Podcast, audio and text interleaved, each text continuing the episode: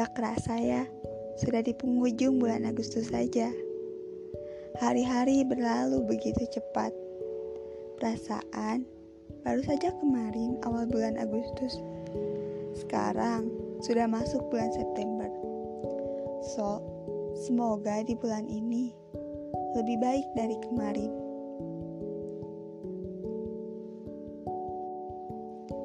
Ingin ku sedikit bercerita. Iya, ini ceritaku. Di bulan penuh hujan, aku jatuh. Jatuh ke dalam binar mata lelaki yang satu tahun lebih tua dariku. Dia baik, dia asik. Itu kesan pertamaku. Izinkanku mengingat pertama kita saling mengenal. Saat itu, saat yang tak pernah kuduga. Dan ya, entah kenapa, dia asik untuk diajak berdialog dalam obrolan pertama. Aku tak mengira akan kenal lebih lama dengannya. Kukira kita hanya akan sampai di saling sapa saja. Oh iya, dimulai dari menanyakan sebuah film favorit hingga bernostalgia. Hari terus berlanjut, dialog lagi apa? Sudah makan belum? Menjadi gerbong pembuka obrolan menjelang tidur.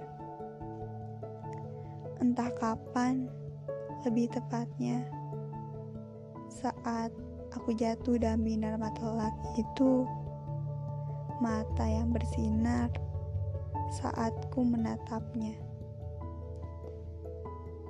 Menatap matanya liris, mampu membuat kalbuku menggebu. Dia yang terlalu aksa untuk ku genggam dan dekap. 2856 km dari mata ke mata. Dipikir cukup sulit, namun tak mengurung sedikit pun rasaku padanya. Dia yang terus meyakinkanku, membuatku semakin yakin. Jika paradigma tentang relationship ini tak akan menemui titik akhir, jika memang benar terjadi, ada kalimat yang ingin selalu kuingat. ingat kurang lebih seperti ini. Akan ada alasan dalam setiap pertemuan. Tak ada yang namanya kebetulan. Apabila berpisah di tengah jalan, jangan pernah sesali setiap pertemuan. Semuanya jadikan pelajaran. Iya, itu kalimatnya.